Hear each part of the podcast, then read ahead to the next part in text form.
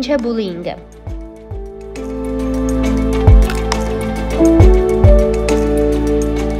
Բուլինգը այդ ծաղրն է հիմնականում ուսումնական հաստատություններում կամ նաև աշխատանքի վայրում Ծաղրը պետք չի խառնել հումորների հետ կամ չգիտեմ ինչ որ տենց թեթև միջավայրի հետ։ Ծաղրը նա երբ որ մի կողմի համար այդ ամեն ինչը վիրավորական է, ցավոտ է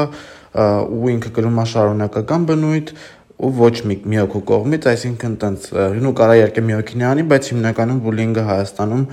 տարածվում է, այսինքն բոլոր նրանք ովքեր ինչ որ խնդիր ունեն ինքնահաստատվելու կամ չգիտեմ տանը խնդիրներ ունեն ճնշվածն են, այդ ամեն ինչը բերում են դպրոց կամ աշխատանքի վայր կամ բուհ ու արդյունքում այդ մի հոգին, որին ծաղրերն են թարկում, տուժում է,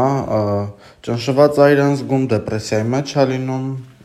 եւ այլն։ Արդյոք բուլինգի ենթարկում են գիտակցաբար։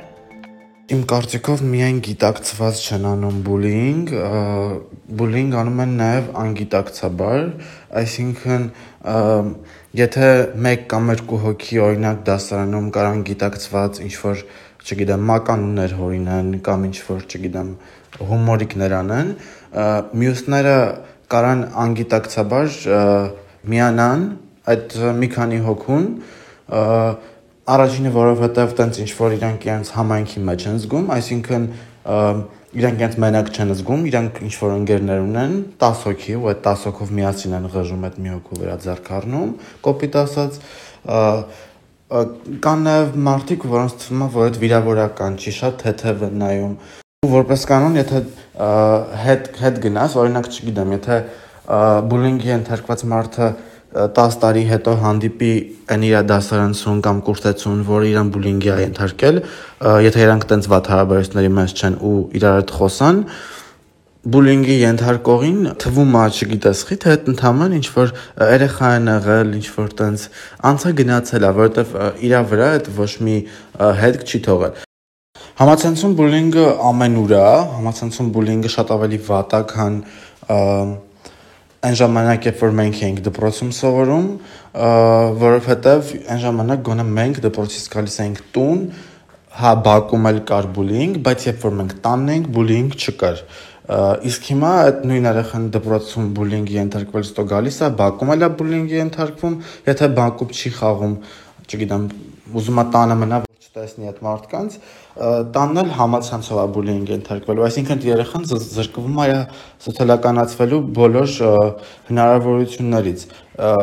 իհարկե ինքը կարող է ինչ-որ ընկերներ ունենա, բայց այն ընդհանուր ճնշումը, որ իր վրա գործադրվում է, հատկապես եթե այդ լինում է փոքր տարիքում, իսկ դպրոցներում մանկապարտեզներից սկսած լինում է այդ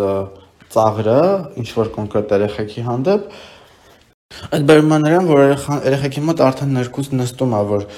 չգիտեմ, իրանց չեն ընդունում, իրանց չեն սիրում, հատկապես եթե եթե ընտանիքը տեղյակ չի այդ խնդիրներին կամ ոնց որ անում են հայկական ընտանիքներում, փորձում են թաքցնել ու չխոսալ այդ թեմայի մասին, այդ բերում է նրան, որ երեխան փակվում է իր մեջ, սկսում է մտածել, որ ինքն է մեղավոր, իր մեջ է խնդիրը, ինքն է վատը ու արդյունքում լիքը կոմպլեքսներ են ծնվում, որ հետո հասուն տարիքում արդեն չի կարողանում իրան ռեալիզացնի ոչ թե ոչ դեպքում, այլ հենց միշտ ճիշտ է հոկեբանի մոտ գնալը, եթե բուլինգ կա երեխայի մոտ, որովհետև չգիտես այդ ոնց կդրսևորվի հետո։ Ու ինձ թվում է նաև բուլիներին է պետք հոկեբանի մոտ անել, որովհետև այդ երեխան ինչ որ խնդիրներ ունի, եթե ինքը իր այդ ագրեսիան դրսևորում է այտենց ուրիշին ծաղրելով, ուրիշին նվաստացնելով։ Իսկ ինչ խորհուրդ կտամ բուլինգի ենթարկվածներին, խորհուրդ կտամ, որ ուժեղ լինեն, խորհուրդ կտամ, որ չվախենան պատասխանել։ Չեմ խոսում ֆիզիկական ուժի մասին, որովհետև ես դրան ընդհանրապես եմ դեմ, որ իրանց մեջ չփակվեն, խոսեն, ծնողներին պատմեն, թե ինչ է եղել։ Եթե դպրոցական տարիքում չեն պատմել,